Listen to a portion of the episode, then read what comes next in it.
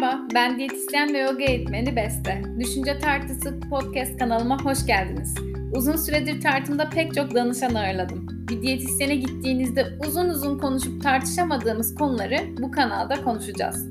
Yeme davranışlarımızın mekanizmasını ve beslenmeyi öğrenmek istiyorsanız hadi başlayalım. Kanalımı ve sosyal medya hesaplarımı takip etmeyi unutmayın.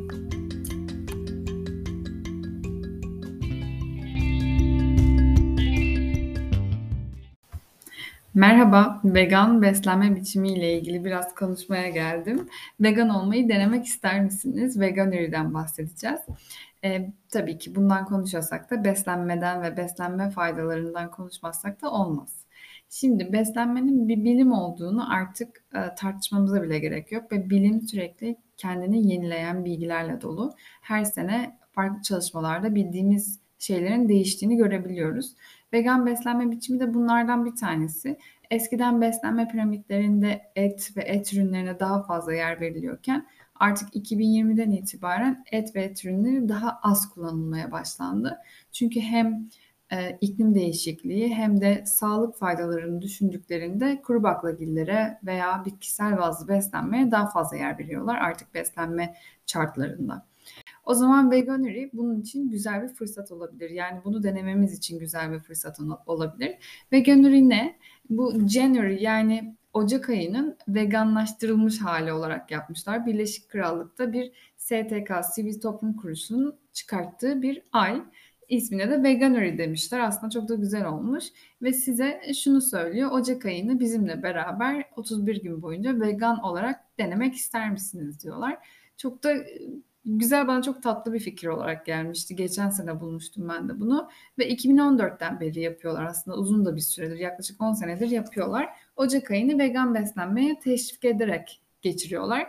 Siz buna nasıl e, deneme yapıyorsunuz? Yani onların size ne gibi bir faydası oluyor derseniz internet sitelerinde bir kayıt sistemi var. Oraya giriyorsunuz, mailinizi kaydediyorsunuz ve size 31 gün boyunca vegan beslenme ile ilgili bilgilendirme gelmeye başlıyor. Aslında yaptıkları şey bu oluyor. Ama tabii ki biz Türkiye'de olduğumuz için sadece bu kısmını biliyoruz. E, Birleşik Krallık ve Avrupa'da özellikle tabii ki Birleşik Krallık'ta çünkü orada çıkıyor bu STK. Orada e, ayına özel ürünler, işte Veganuary'i teşvik eden atıyorum Starbucks'a gittiğinizde ya da bir kahveciye gittiğinizde Veganuary'e uygun e, kahve çeşitleri, süt çeşitleri bulabiliyorsunuz veya sandviçler veya dondurmalar bulabiliyorsunuz diyorlar. Avrupa'da yaşayanlardan duyduklarım bunlar. E, bu da tabii ki orada biraz daha işleri kolaylaştırıyor. Zaten vegan ürünleri çok daha fazla buraya göre. Ama Türkiye'de de şunun faydasını görebilirsiniz. E, sizinle beraber dünyada bunu deneyen başka insanların olduğunu bilmek, işte Instagram'da hesaplarını takip etmek belki sizi e, işinizi kolaylaştırır bunu devam ettirmenizi. Türkiye'de vegan market pazarı o kadar yeterli olmasa da bence birkaç sene içerisinde Veganery Türkiye'de de takip edilmeye başlanacak. O yüzden de ben bunu paylaşmak istedim ve böylece de e, umarım marketteki vegan ürünlerin de miktarı sayısı giderek artar. İnternet sitesine kayıt oldunuz ve size bilgiler gelmeye başladı ve denemeye de başladınız. Peki ne yapacaksınız? Yani vegan beslenmek ne demek? Vegan beslenmek aslında vejeteryan beslenme çeşitleri arasında en katı olanlarından biri denebilir.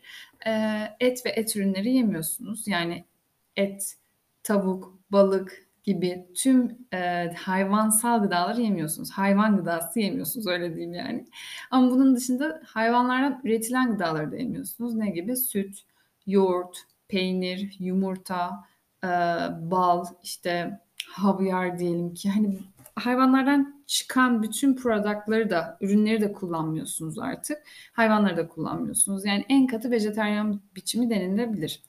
E, bunu neden yapacaksınız derseniz vegan olan kişiler çoğunlukla yaşayan hiçbir canlıya acı çektirmemek yani sinir sistemine sahip olan hiçbir canlıya acı vermemek için beslenme biçimlerini değiştiriyorlar.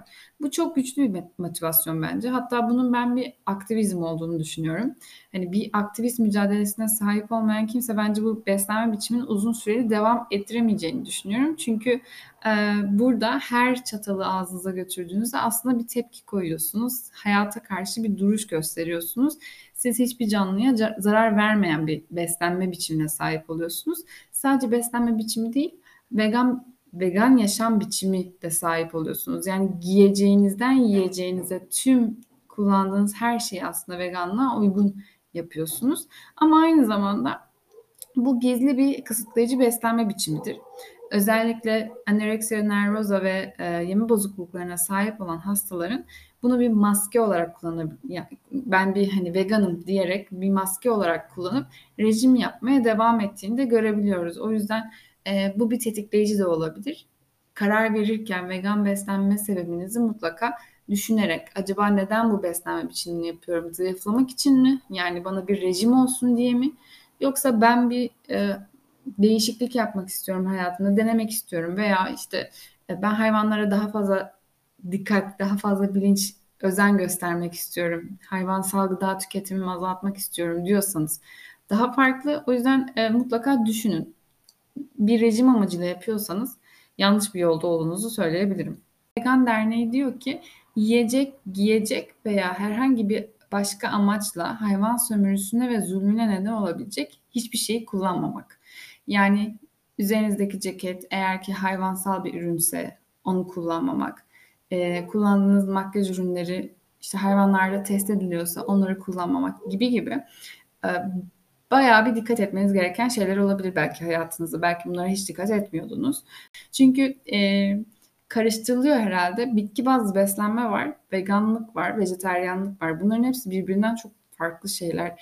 E, bitki bazlı beslenme daha sağlık odaklı yaptığınız bir şey ama veganlık gerçekten bir biraz fanatizm gibi yani hani farklı bir görüşü savunmanız gerekiyor ve e, bunun arkasında durmanız için sadece beslenmenize değil dediğim gibi kıyafetlerinize tutun da hayat tarzınıza kadar her şeyinize dikkat etmeniz gerekiyor. Vegan ürünün verdiği verilere göre eğer ki bunu denerseniz, bu challenge'a katılırsanız neredeyse dünyada 400 bin kişinin sizinle bunu yaptığını bilmeniz gerekiyor. Bu bir motivasyon olabilir. Ve Veganery diyor ki her sene bizim üye sayımız iki katına çıkıyor. Yani gerçekten giderek popülerleşmeye başlıyor bu beslenme tarzı, bu yaşam tarzı.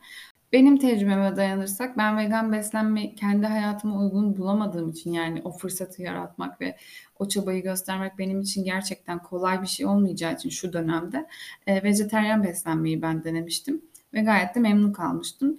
E, yapamama nedenim de hani yanlış anlasın, anlaşılsın istemiyorum. Şu an hem emzirdiğim için hem bebeğim olduğu için hem o yemek hazırlık süreci hem de gaz yani kuru baklagillerin yarattığı gaz süreci bebek için çok zor oluyor yani inanılmaz zor oluyor. Mercimek çorbası yediğimde bile çok zorlanıyorum ki tamamen vegan beslendiğimde daha da zorlanacağımı biliyorum. O yüzden benim için mesela çok kolay olmadı ama vejeteryan beslenme muazzam yani çok çok sevmiştim. Ee, kesinlikle tavsiye ederim. Neden tavsiye ederim? Kesinlikle bilimsel çalışmalar da zaten artık bunu öneriyor. Özellikle Çin mucizesini duyduysanız e, bitki bazlı beslenmenin böyle kurucularından olan e, Colin Campbell'in bir çalışması var. Çin Mucizesi. Bunun hatta bir kitabı da var. Kendisi uzun yıllarca çiftlikte yaşamış bir insan. Hatta çocukluğunu tamamen çiftlikte geçirmiş. Şöyle anlatıyor. Her sabah çiftlikteki yumurtalardan, tavukların yumurtalarından, ineklerin sütünden babamla beraber kahvaltı yapardık diyor. Yani her sabah. Ve babam bana o gün ekilecek tohumları anlatırdı işte bugün yapılması gereken şeylerden bahsederdi, bahsederdi ve bana öğretirdi diyor. Ama sonrasında 17 yaşında babasını bir kalp hastalığından dolayı kaybediyor. Bunun üzerine ileride kendisi bir bilim insanı olunca Cornell Üniversitesi'nde e, Çin halkının Amerika'ya göre daha az hayvansal gıda tükettiğini ve daha az kansere yakalandığını görünce bir çalışma yapmaya karar veriyor ve 20 senelik tüm kronik rahatsızlıkların verisini topluyor ki Çin e, galiba hastalıkları veri olarak toplama konusunda çok iyiymiş. Kendisi öyle söylüyor. Bu verileri topladıktan sonra da Çin'deki 100 ilçeden kan testleri topluyor.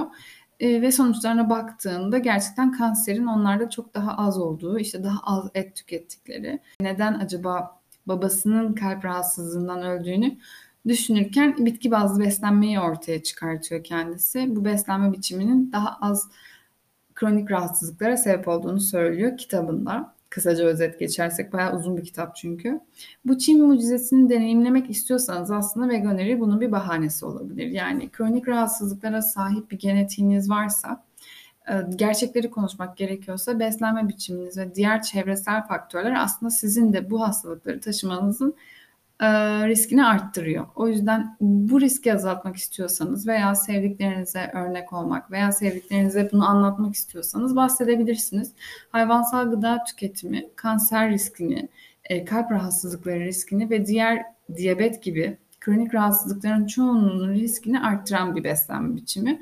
Burada hayvansal beslenme biçimi derken yani gün, haftada haftada 3'ten daha fazla kırmızı etin tüketiminden tutun, her gün tereyağının kullanılması, her gün yumurtanın kullanılması ve peynir ürünlerinin kullanılması hayvansal gıda tüketiminin yüksek olduğu bir beslenme biçimi denebilir. Buradan başlangıç yapacak olursak eğer ki ben direkt veganlığa mı geçmeliyim? Hayır. E, bu belki çok büyük bir aşama olabilir. Hayat tarzınıza uygun olmayabilir. O yüzden e, bunu değiştirmek yerine tamamen küçük küçük de başlayabilirsiniz. Veya ben sağlık amacıyla değil de ya da benim böyle bir riskim yok. Ben zaten bu kadar çok kullanmıyorum. Sadece hayvanlara gerçekten zarar vermek istemiyorum dediğinizde illa beslenme biçiminizi değiştirmenize gerek yok. Başka şeylerden de başlayabilirsiniz. İşte kullandığınız ürünler, e, kullandığınız ürünleri değiştirmek olabilir. Hani veganlığı desteklemenin tek yolu gerçekten vegan olmak. Yani illa beslenmemi değiştirmek değil. Başka yönlerden de e, buna destek çıkabilirim. Ancak Campbell'in çalışmasının sonucu diyor ki kolesterol seviyesi sıfırdan yüksek olan her şey kronik hastalıkları e, arttıran sebeplerden birisi ve kolesterol sadece e, hayvansal gıdalarda bulunuyor. O yüzden bunu değiştirmenin yolu da hayvansal gıdaları azaltmak diye çok net bir şekilde söylüyor. E, denemek isterseniz bu beslenme biçimini Ocak ayının ortasında da olsak başlayabilirsiniz. Dediğim gibi siteye girdikten sonra onlar size göndermeye başlıyor. Veya Instagram hesaplarından, e, internet sitesinden bilgileri edinebilirsiniz. Eğer denediyseniz ya da yurt dışında yaşıyorum ve veganuri ayında bizde şunlar oluyor diyorsanız mutlaka bana yazın ben de paylaşmak isterim. Ve vegan beslenme biçimiyle ilgili de daha fazla bilgi öğrenmek istiyorsanız, daha detaylı konuşmamı istiyorsanız başka bölümlerde bahsedebilirim.